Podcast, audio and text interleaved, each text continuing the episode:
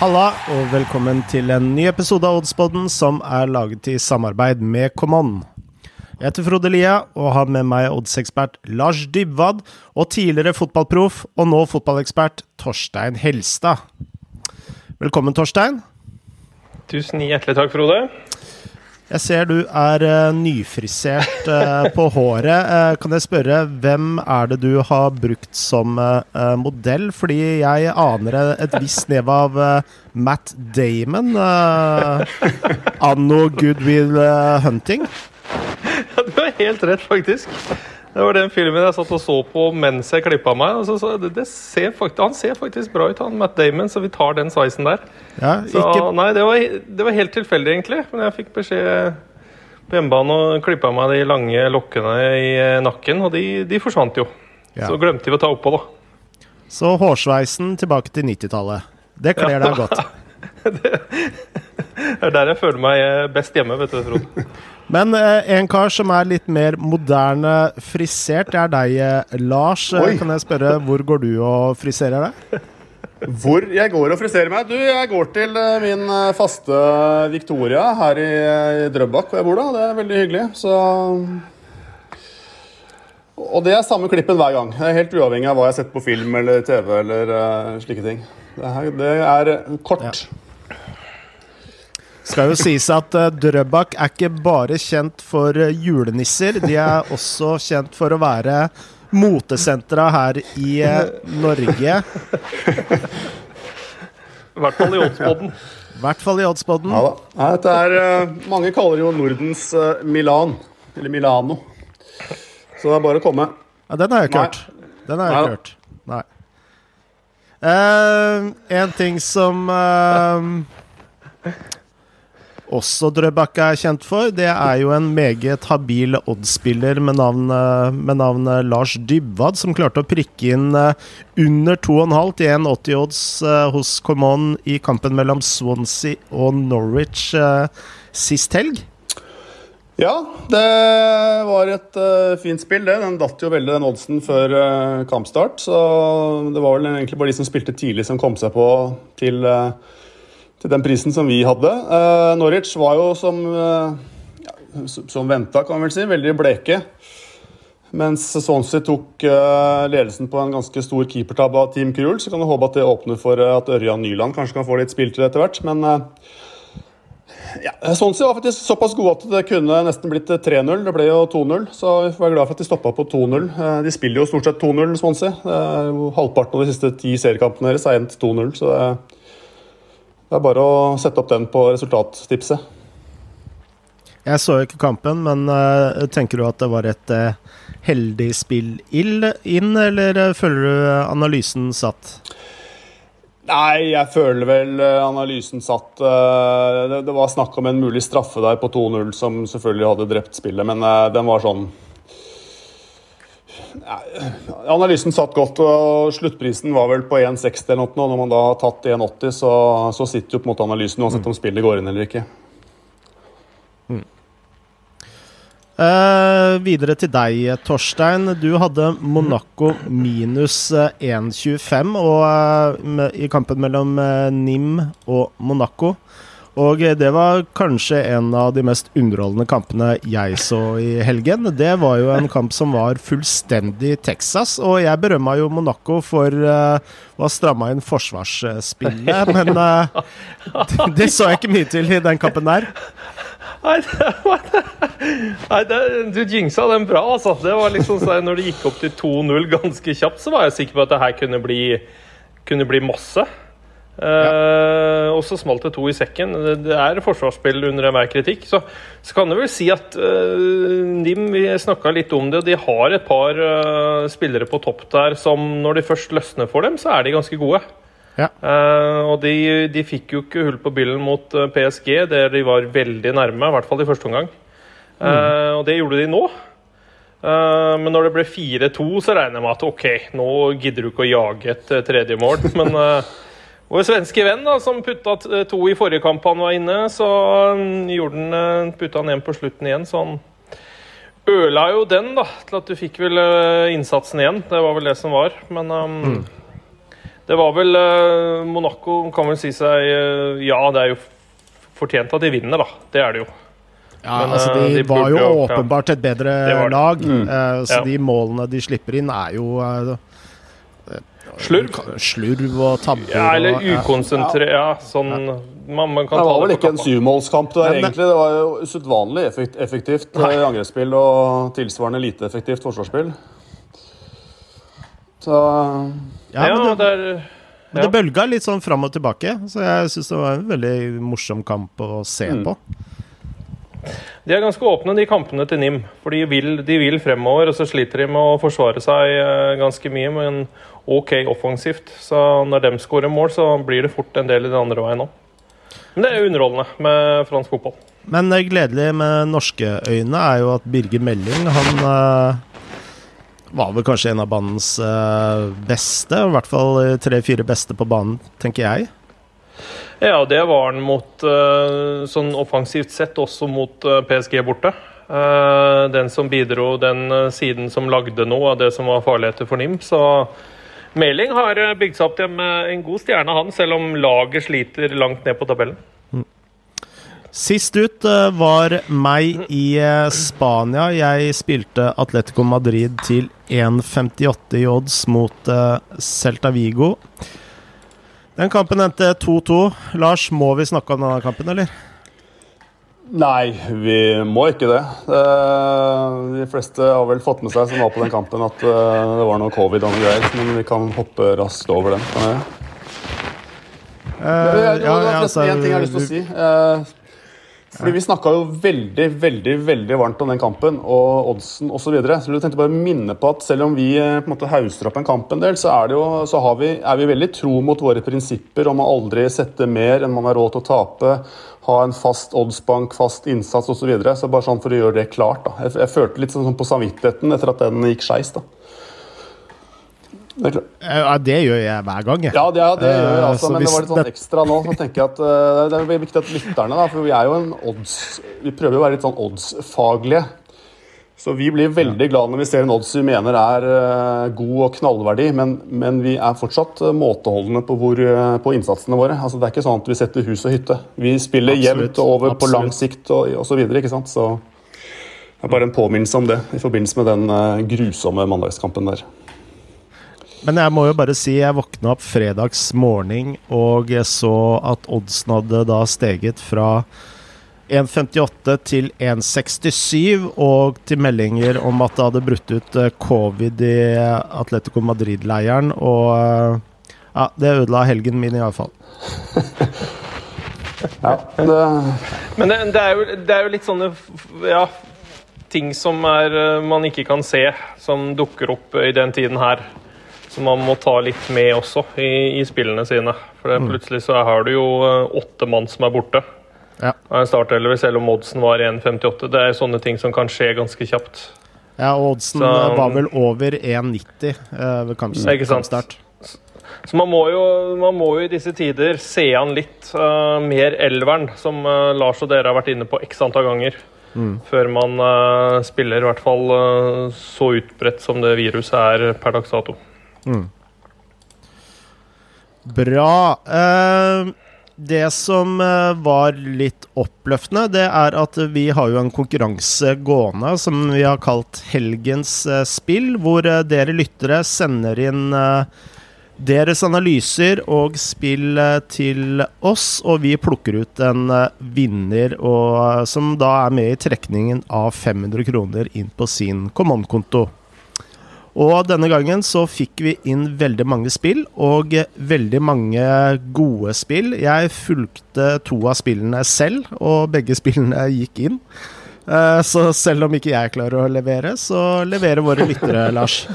Ja, de er, eh, de er eh, kjempegode og skriver flotte analyser. og Det er en, en fest og en fryd å, å lese hver gang. Så det, jeg håper at bare lytterne fortsetter å sende inn. og Det er hyggelig at det kommer flere og flere spilltips inn. Så mm, fortsett å sende til eh, post at oddspodden.com eller på Twitter. av helgens uh, spill. Hashtag helgens spill. Eh, Vi er jo først og fremst ute etter gode oddsanalyser. Uh, og Derfor har vi vel også valgt en vinner denne gangen som tross de mange gode spillene som vant, så valgte vi en vinner som ikke vant. Ja, for vinneren denne gangen er Steffen Brein. Eh, som hadde et eh, tips i kampen eh, mellom Waldorf Mannheim og Kaiserslautern i tysk tredjeliga. Hva blir det på tysk? Dreiliga? Dritte. Dritte, ja. Jeg kan jo ikke si det. Sveiteliga, dritteliga. Eh, men han eh, hadde et tips på Waldorf Draw No Bet med en eh, veldig god analyse. Eh, så gratulerer til Steffen. Eh, og igjen, send inn eh, tips eh, til post.oddspodden.com, eller bruk Twitter Eller send inn på Twitter. Come on sin Twitter-konto med hashtag helgensspill. Er det noe jeg har glemt her da, Lars? Nei, du har fått med det meste. Kan jo tilfelle at man vinner eh, Hvis man er så heldig å vinne, så får man eh, 500 kroner å spille for hos Kaman. Bra. Eh, skal vi gå videre til helgens eh, spill, og eh, alle våre spill er på en søndag denne gangen. Og først ut er deg, eh, Lars, eh, som skal til Italia. Ja, er jeg, er jeg først? Ja, spennende. Eh, da skal vi til eh, Sampdoria. Eh, Sampdoria Fiorentina. Det er jo en sånn eh, ja, hva skal man si, litt sånn typisk midt på tabellen-kamp i, i Serie A på søndag klokka tre. Eh, Santoria de ligger på en tiendeplass med 27 poeng. og Der ligger de på en måte ganske støtt. De har 10 poeng opp til topp 6 og 12 poeng ned til nedrykk. Eh, De er ute av cuper osv., så, videre, så man kan vel si at en del av spenningen er utløst. Men det er jo klart det er jo 17 serierunder igjen, så man skal fortsatt eh, ha seg en del poeng. Og de plukker også da jevnt eh, og trutt. De har eh, 4-1 hjemme, eh, i den grad man ser så mye på hjemme og borte i disse koronatider. Men, og det er ikke så imponerende, men de har spilt mot fire av topp fem-lagene hjemme, og til og med slått både Inter og Lazio, så det vitner jo om en, en viss styrke. Det er klart eh, At de har fem tap, vitner også om en viss eh, svakhet. Men eh, de har møtt en overvekt av gode lag hjemme hittil, Sampdoria. Så jeg, tenker at det er noe av forklaringen på det. Ja. de er ikke et veldig stabilt lag, men de har vunnet to av de fire siste kampene sine. Og eh, slo Udinese og Parma, og så tapte hjemme mot Juventus. Hvor de spilte egentlig en veldig god kamp, hvor de var best i lange perioder av kampen. Og sist så spilte de 1-1 borte mot Benevento, eh, en kamp de eh, strengt tatt eh, burde vunnet. Eh, Har lite problemer. De har midtstopper Tonelli ute, som jo er negativt. Eh, Men det ser ut til at Gabbiadini, denne spissen da, som jevnt og trutt har skåra mål eh, både i Italia og ja, Det var ikke så fryktelig mye mål han skåret i Southampton, men det var jo noen, i hvert fall. Eh, Han er en brukbar spiller. Han kan være tilbake. Har vært ute en stund. Eh, er jo da De vant det motsatte møtet 2-1. Eh, Der fikk for øvrig Morten Thorsby en skåring annullert eh, etter en sånn VAR-sjekk av en eh, hens. Det er blant de som skårer mest på dødballer. Skåret åtte på dødball. Seks av dem hjemme. Det er den beste best sammen med AC Milan når det gjelder å skåre på dødballmål hjemme. Mens Fiorentina er blant de som slipper inn mest på dødball. Sluppet inn seks dødballmål eh, kun i bortekampene. og Det er dermed det verste bortelaget på dødball. Det er sånn, en sånn interessant fact som, eh, som hjelper når jeg har lyst til å spille Sampdoria her. Eh, De møter Fiorentina, som ligger på 15.-plass. De har bare 21, eh, eller 22 poeng, 21 skåringer. Bare Parma som har skåret mindre. Eh, leste litt sånn Fiorentina-blogger når jeg sjekka dette spillet. De kaller sesongen for tapt og meningsløs allerede. Eh, det, gjelder bare å overleve. De sparka jo treneren sin, eh, Fiorentina, 9.11. Da hadde han et poengsnitt på ca. 1,1 poeng fra sine, de sju kampene han rakk. Mens Prandelli, da, som jo har tatt over, han har hatt et poengsnitt på ett ett per kamp. Så det har ikke vært noe sånn voldsomt eh, effektiv endring. Det er, litt eh, bedring fra Fiorentina i siste. Klart å øke, poengsnittet litt, men det er fortsatt mye usikkerhet rundt Prandelli og sesongen. De har et ganske gammelt lag og virker litt som et sånt lag uten noe retning i det hele tatt. Og har svake 1-3-6 borte. Eh, som jo er meget skrøpelig. og Der er det jo artig at den ene seieren de har, den kom med 3-0 borte mot Juventus eh, før jul. Så det er sånn, sånn fotballen er. Men eh, hovedgrunnen til at de har tatt dette spillet, er eh, for det første at Fiorentina er satt i favoritt, noe jeg syns er litt mystisk, i og med at de har, er så dårlig borte og er eller har i hvert fall, prestert svakere enn Sampdoria. De har også sin midtstopper Milenkovic eh, suspendert igjen. Han er uh, kanskje lagets beste spiller. Uh, spilt så å si alt av kampene. Var borte sist og er borte igjen. Det er et tungt forfall for Fiorentina. Og de har også midtbaneankeret Amrabat suspendert. han har også spilt praktisk talt alt, og mangler også. Så de har to ganske tunge defensive forfall. Og det gjør at jeg syns at oddsen rett og slett er feilsatt her. Den er altså 1,96 på Sampdoria eh, draw no bet, altså pengene tilbake til uavgjort. Um, selv ville jeg priset den til rundt 1,75, 1,80. Fiorentina er satt til 1,75 av en eller annen merkelig grunn. Så jeg ville egentlig bare snudd på oddsen. Jeg mener Camon har feil favoritt der. Uh, og Det gir verdi, så derfor setter jeg mine penger denne uken hos Camon uh, på Saptoria til 1,96 draw no bet. Hva tror du er årsaken til at uh, oddsen er satt uh, som den er gjort? Altså, Santoria har jo 27 poeng, mens Fiorentina har 22. Så tabellsituasjonen, er det noe sykdom, eller er det noe skader, eller? Nei, altså Etter vår opplevelse med Atletico Madrid blant annet sist, så blir man jo mistenksom. Og jeg har jo faktisk sjekka ganske mye rundt. Jeg kan ikke helt forstå det. Uh, som sagt, Tonelli er det eneste forfallet jeg har funnet på Sampdori. Han er suspendert. Det er klart det er Det har en viss betydning, men uh, ikke veldig vesentlig. Og jeg synes, altså, Fiorentina er langt verre rammet av forfall enn det Sampdori er. I hvert fall fra den informasjonen som er ute. Så det kan hende at uh, Nei, jeg har faktisk ikke noe god teori på det. Fiorentina Fiorentina som sagt litt bedre form enn det siste, men fortsatt et lag som eh, ikke henger helt sammen.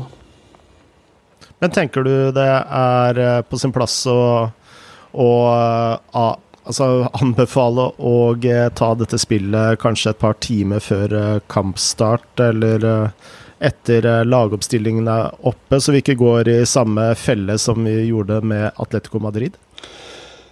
Eh, ja, det tror jeg er greit i dette spillet her. For jeg tror ikke det er noen sånn kjempefare for at det kommer til å bli noen vanvittige odds-bevegelser her eh, i opptakten. Altså Statistikkene er der, og det eneste som kan endre oddsen her, er jo nettopp det du sier, da. At, eh, ja, at det er noe sykdom eller noe sånn dritt som skjer igjen. Så ja da, spill gjerne sent i denne her. Bra. Jeg, jeg, kan jo bare legge til at uh, årsaken til at jeg tok Atletico Madrid uh, så tidlig sist, det var fordi uh, En ting var, var, at jeg var redd at oddsen skulle falle veldig, i og med at jeg tenker at oddsen var feilsatt. Men så er det også det at når vi anbefaler odds her, så liker jeg å ta den oddsen som jeg faktisk anbefaler. det er litt sånn uh, fairness uh, uh, Mangla et bedre ord. men la oss gå videre på søndagen.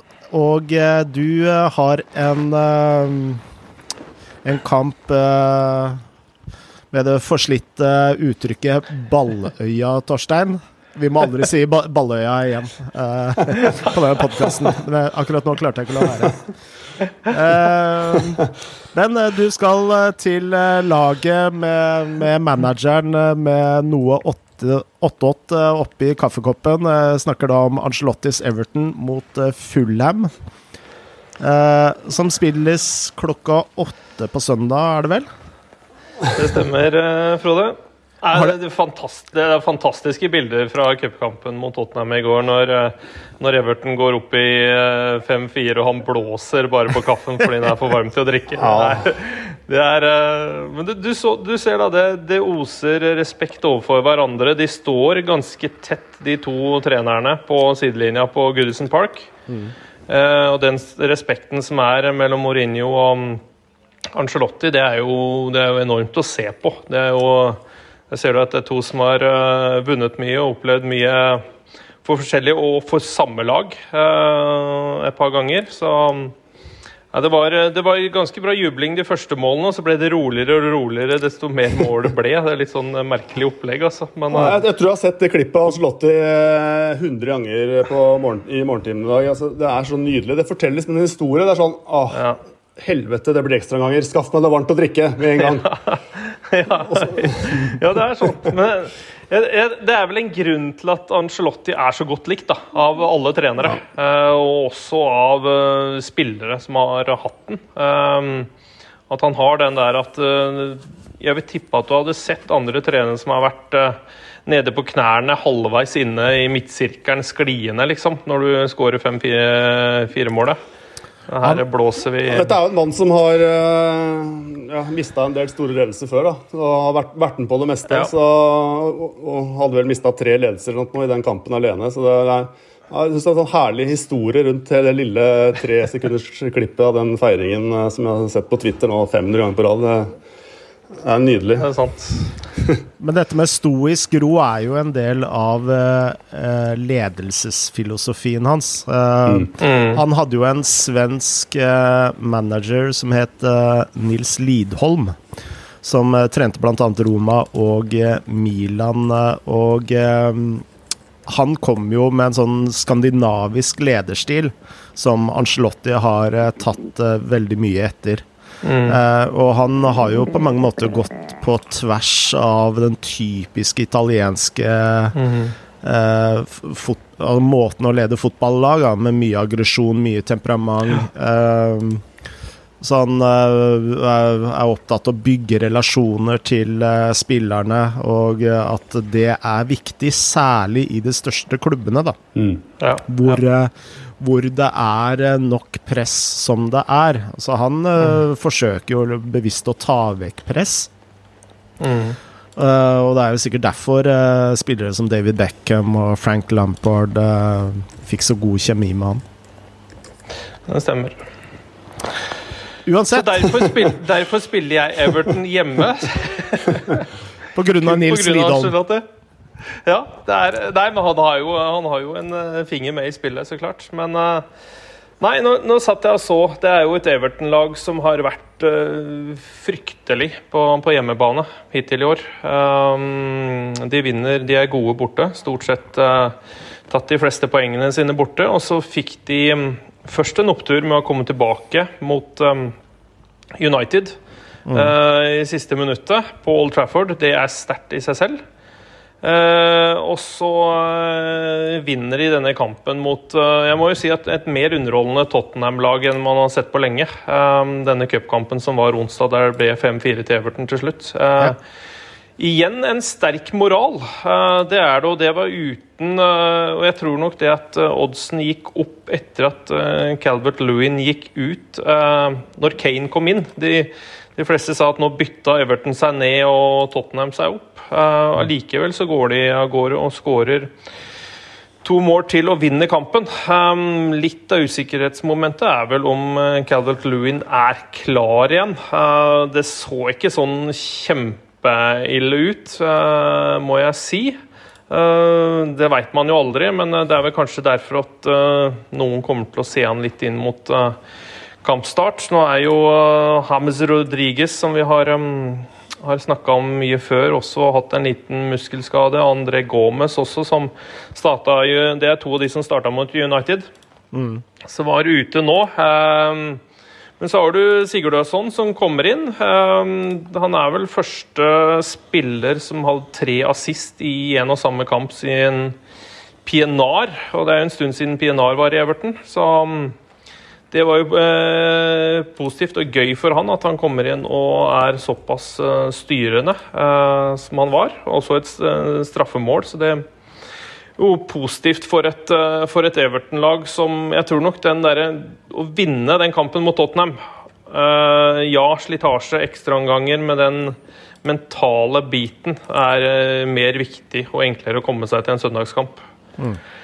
Der du får besøk av et Fulham-lag som uh, fire siste er uavgjort. Uh, og det, lukter jo ikke, lukter jo ikke kjempeform av uh, Fulham heller. De ligger nede i bunnen som forventet. De har 1-5-4 borte. Og største problemet til Fulham er jo at de skårer jo ikke mål. Det er 17 mål på 22 kamper. Har jo kommet seg litt med at de, eh, de, ikke taper, men det blir jo ikke så veldig mye poeng av, um, av uavgjort heller, i, i lengden. Um, og heller ikke noe sånn derre veldig godt tak på et Everton. Der har de, de har, de har fire tap på de siste seks mot, mot Everton. Um, så jeg, jeg, jeg syns de fleste vil vel eh, Jeg også kan hende at jeg ser han litt inn mot eh, kampstart for å se om Calvert Lewin, som har 38% av skåringene til Everton i år, det er ganske mye, mm. eh, om han starter. Eh, da, er de, eh, da er de bedre skikka. Men så har de en Joshua King da, i bakhånd, som har to korte innhopp og har fått veldig mye ros. det har han fått av Angelotti også. Eh, og Han virka jo kvikk også når han kom inn mot, eh, mot, uh, mot United. Fikk jo ikke spille cupkampen, for han har spilt det for Bournemouth. Men um, kanskje det her er kampen for Joshua King hvis uh, Calvert Lewin er ute. At uh, han får lov til å vise at han kan skinne litt igjen. Så, um, Men hva gjør du da? tar du spillet, eller Jeg tar spillet nå i dag. Det gjør jeg. Uh, og så skjønner jeg vel det at uh, visse vil kanskje se han spille litt inn til, uh, til rett før kampstart, for å se om det, det, det, er merkelig. Han, han, er jo lagets viktigste, Calvert Lewin. Noe, noe annet kan jo ikke sies. men man kan jo ha en Joshua King som, hvis han får det til å stemme, mm. har jo bøtta, eller skåret mye mål, han også, i, i Premier League før. Ja. Så nå står han i 1,90 90 hos Common, hjemmeseier for, eh, for, Everton. Jeg lukta litt på under 2,5, for det, ikke, det, lukter jo ikke mål av Fulham. Men Nei. den står også til 1,90 hos eh, akkurat nå, i hvert fall. Mm. Bra. Uh, jeg har også et uh, spill uh, tre kvarter senere på kvelden, og jeg skal til Serie A i kampen mellom Inter og Lazio. Uh, og uh, det første jeg tenkte dette, dette, og det første jeg tenkte når jeg så den kampen, var uh, her kommer Lars til å melde inn et uavgjort spill. så kan jeg spørre, var du inne på tanken på et uavgjort spill her, Lars? Eh, jeg pleier å kjøre en del uøvertspill eh, fast, og det kommer nok til å bli et av de i Serie A, ja. Men uh, du var så tidlig ute med å melde at du skulle ta et spill i den kampen her, så da, da, da la jeg den fra meg selv, så jeg ville ikke trå i dine, i dine jaktmarker. Så, men ja, det er jo en del ting med denne kampen som tyder på at U er et, et godt tegn, ja.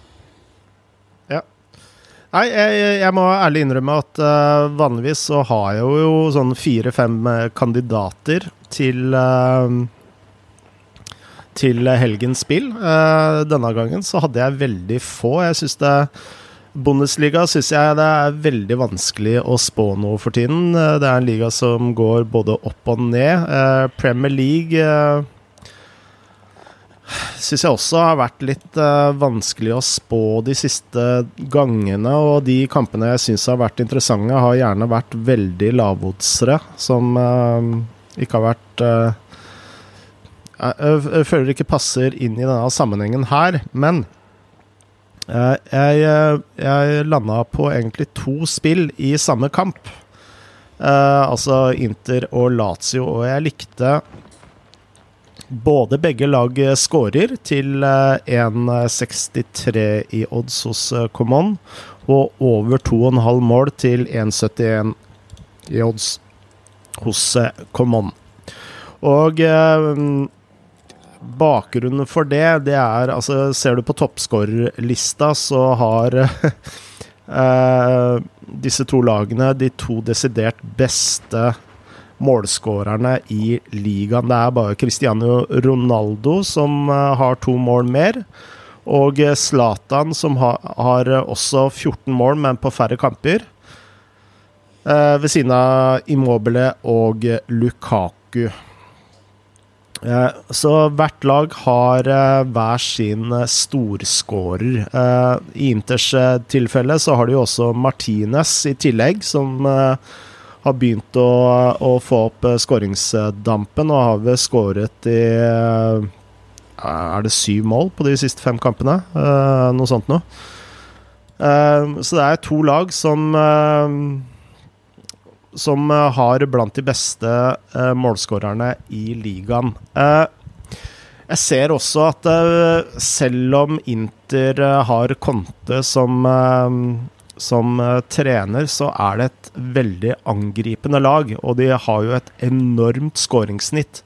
Uh, Skåringssnittet deres eh, ligger og lukter på tretallet. Uh, og det var mye høyere enn det jeg egentlig hadde tenkt at de hadde. Og de skårer også mye mot gode lag. Eh, og så går jeg og ser på Lazio, og eh, de gjør søren meg akkurat de samme. Altså, eh, det er ikke den type lag som skårer mye mot de dårlige lagene, men de skårer også mye mot gode lag, som f.eks. mot Roma, da, hvor de klarer å skåre hele tre mål. Og det er ikke nødvendigvis det at de skaper så masse sjanser, men men de er også ganske uh, effektive hvis du tar bort uh, Caicedio eh, ut av den uh, miksen der. For han er definitivt ikke effektiv. Eh, eh, så her eh, Og eh, siste argument, det er at eh, for å henge med i tittelkampen med Juventus og Milan, så må begge lag eh, eh, gå for seier. Rett og slett. Det holder ikke med uavgjort eh, her. Eh, Milan ligger nå to poeng foran Inter. Eh, Juventus ligger Altså har 42 poeng, Inter 47. Eh, så tar, tar ikke Inter seieren her, så begynner Juventus å Å lukte Hva skal vi kalle det? Vi begynner å sniffe dem bakfra. Ja, det var nok den beste Stoppa. Det var akkurat det du var ute etter. Det var mye bedre. Nei, her må jeg skaffe en sånn her metaforknapp som kan Nei, jeg syns det var, det var fint. Det var, jeg, Direkte. Direkte. Du, jeg trodde du skulle si 'lukte blod', men så ble det sniff, 'sniffe anus' i stedet. Det er jo vel så godt. Ai, ai, ai. Poenget er at uh, Det skal jo sies at eh, Juventus har vel Napoli borte, så det er ikke gitt at eh, de vinner den kampen der heller. Men likevel, da. Milan har jo Spezia borte, og det er jo mest sannsynlig en tre trepoenger, det. Så da må, må nei, Inter henge med her. Så Uavgjort holder ikke. De må gå for seier. Og det er to lag som uh, skårer mye mål og har eh, eh, markante målskårere. Jeg kan jo også legge til at eh, eh, Lazio har jo eh, keeper og midtstopper eh, ute med skade, som er et eh, stort, eh, stort tap for dem. Eh, ellers så er det lite, lite skader å, å snakke om eh, i den kampen. Ja, nå har du i hvert fall definitivt snakket meg vekk fra et uavgjort-spill i den kampen. Eh, Så da slapp jeg å gjøre den analysen. Eh, For Når jeg ser et uavgjort-spill, så er jeg jo egentlig ikke ute etter lag som skårer veldig mye mål, eh, og som ikke er fornøyd med uavgjort. Så da, da stryker jeg den. Så jeg spiller ikke uavgjort til den. Takk, takk Frode. Nydelig. Ja, Vil du si at du er enig i analysen? Ja, definitivt. Ja. ja, men det er bra. Det som er litt gøy da, i italienske toppkampene, er jo at det er mer underholdende enn det kanskje var for et par år siden. Da det var mer opptatt av å forsvare enn å angripe. Ja, Det blir sport skåret med mål i de uh, toppkampene. Uh, det er uh, gøy å se på når de gode lagene møtes i Italia. Ja, jeg tror Serie A nå har blant de høyeste skåringssnittene i europeisk toppfotball av toppligaene. Det er vel bare Bundesliga som har et høyere snitt. Ja, er, jeg tror det er tre Nå, nå sjekket jeg det veldig kjapt. 3.06 per, per, kamp i Italia og 3.09 i Bundesliga, så det er egentlig helt på nivå. Det er det, det, røsker opp i mytene som man kanskje har med seg fra gamle dager, hvor. Bundesliga lå vel i hvert fall et mål i snitt over nesten enn det Serie A gjorde. Ja, og det var jo på et tidspunkt Altså, det er veldig mange år siden Serie A var en ren forsvarsliga, men Og dette henger jo sammen med trenerutdanningen i i Italia, som er bygd opp på en helt annen måte enn det vi har både her i Norge og i England. Uh, hvor man legger mye mer vekt på spillestil og taktikk, og man må faktisk lære seg flere måter å spille fotball på. På, på et uh, høyere nivå, og det ser du også i ligaen. At uh, det er kanskje den ligaen hvor det er størst spenn da, i både formasjoner, spillestil og kamptaktikk. Mm. Så det er jo veldig interessant. Ja. Bra. Eh, vi har jo en uh, post som heter uh, 'Favoritt i fare'. Eh, jeg veit ikke om dere har noen eh, gode kandidater ja, til, til den, den, spalten i dag? Nei, altså vi har jo en, vi har en Champions League-runde som kommer opp igjen nå da, til uka. Uh, ja. Og vi skal vel uh, i gang med en Champions League-sending uh, førstkommende mandag? Ja, det var veldig bra at vi får nevnt det. Det skal vi definitivt. Så mandag blir det pod fra oss. Det, det, er gøy. Vi skal vel prøve å dekke Champions League-rundene fremover med en mandagspod. Hvor vi tar mm -hmm. spill i ja, Det er vel lov med Europaligaen òg, eller? Så vi har litt mer å velge mellom. Men, ja da, absolutt. Absolutt. Ja. absolutt. Men uh, tirsdag er det jo Barcelona, PSG og RB Leipzig mot Liverpool. Og så er det Porto Juventus og Sevilla Borussia Dortmund på onsdag. Og jeg tenker jo at uh, de, i hvert fall noen av de lagene skal, som skal spille de kampene, skal man være litt forsiktig med helgen. Sånn ja, nå har Dortmund blitt en gjenganger i favoritt i fare her, da, men uh, de er jo i veldig skral form og skal spille hjemme mot Hoffenheim, som jo heller ikke er noe superlag. Men et 42 på Dortmund hjemme der når de har en eh, en kamp eh, på onsdag som eh, kan definere sesongen deres, egentlig. Den syns jeg er tynt. Og Barcelona også har jo vunnet fryktelig mange kamper på rad, men har en veldig heftig skadeliste. Så jeg vet ikke om det er en favoritt i fare. De skal spille hjemme mot Alaves, som jo er svake. Står til 1,27. Jeg var faktisk inne på å spille Alaves med handikap som et spill her, men eh, jeg slo det fra meg fordi Barcelona er så uforutsigbare sånn sett. Men uh, ja, jeg ville i hvert fall vært veldig forsiktig med For det er mange av disse lagene som skal spille Champions League nå til uka, som har på papiret veldig enkle kamper.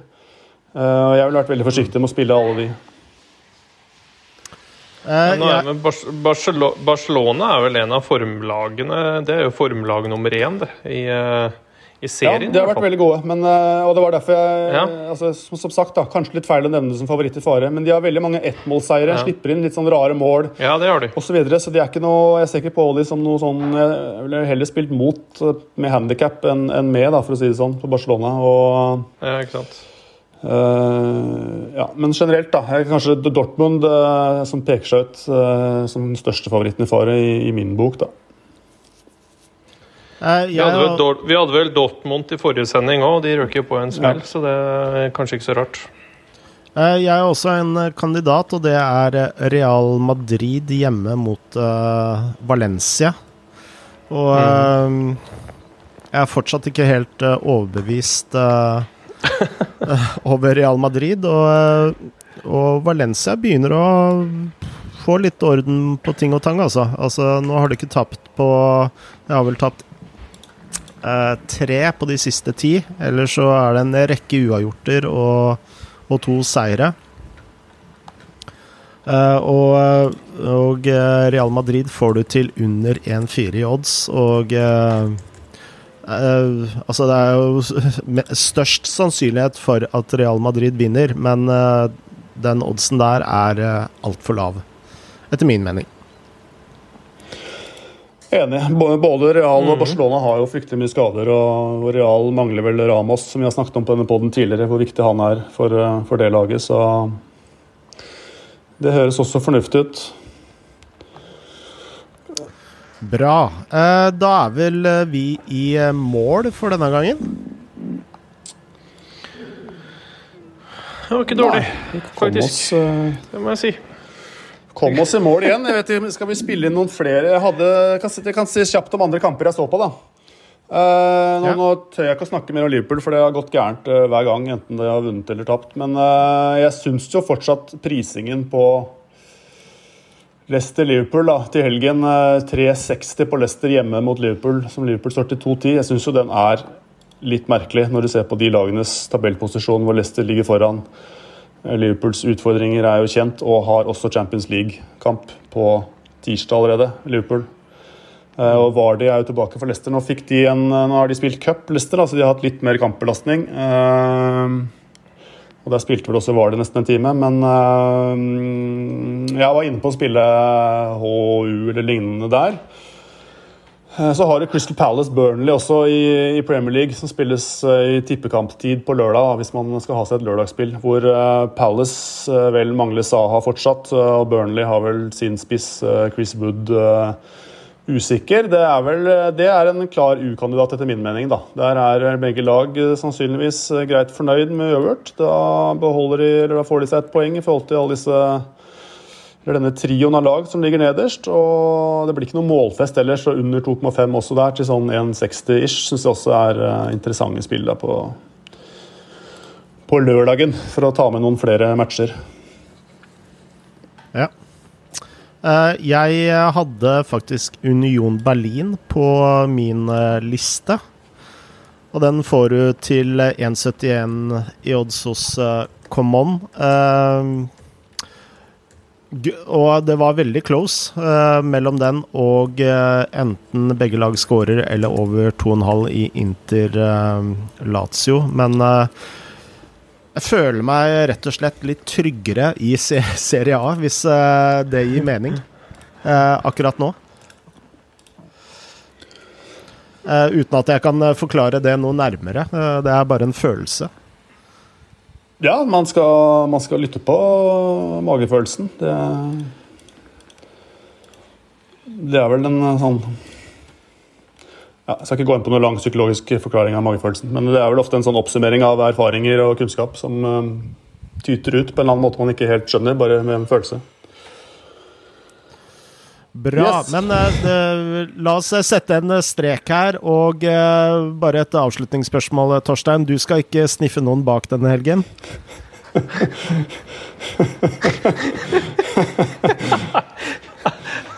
det, det, det, får vi overlate til Juventus. Og med det så sier vi, som vi alltid sier her i Oddsboden, god helg og lykke til med spillene.